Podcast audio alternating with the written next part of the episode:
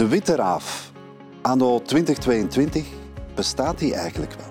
Het hangt er vanaf hoe je de witte raaf omschrijft. Maar ik zou zeggen, als er een witte raaf voor jou zit als ondernemer, dat je toch wel eens goed moet kijken, want volgens mij is hij wit geverfd. We kiezen ervoor om mensen kansen te geven die waarschijnlijk, als we door de klassieke hoe zeggen ze dat, selectieprocedure zouden gaan, dat zij er al lang zouden zijn afgevallen omdat het niet past binnen ons profiel. Alleen dan merken we, um, en ik wil daar ook een pleidooi voor houden eigenlijk, hè, dat, dat de middelen soms nog ontbreken. Iedereen wil dat ene talent te pakken krijgen, ja. dus er is dan tussen de verschillende bedrijven in dezelfde sector heel veel concurrentie ja, om die talenten te pakken. Een war of talent, hè, dat, dat, dat ze zeggen. Dus, uh...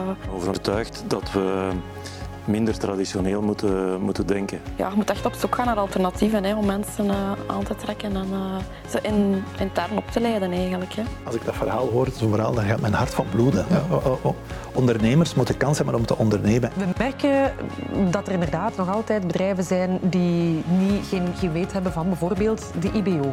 Ja, wat heb ik echt nodig van profielen? En wat is need to have, wat is nice to have als het gaat over competenties? Ik denk dat, uh, dat de, de ene alles zaligmakende oplossing niet bestaat.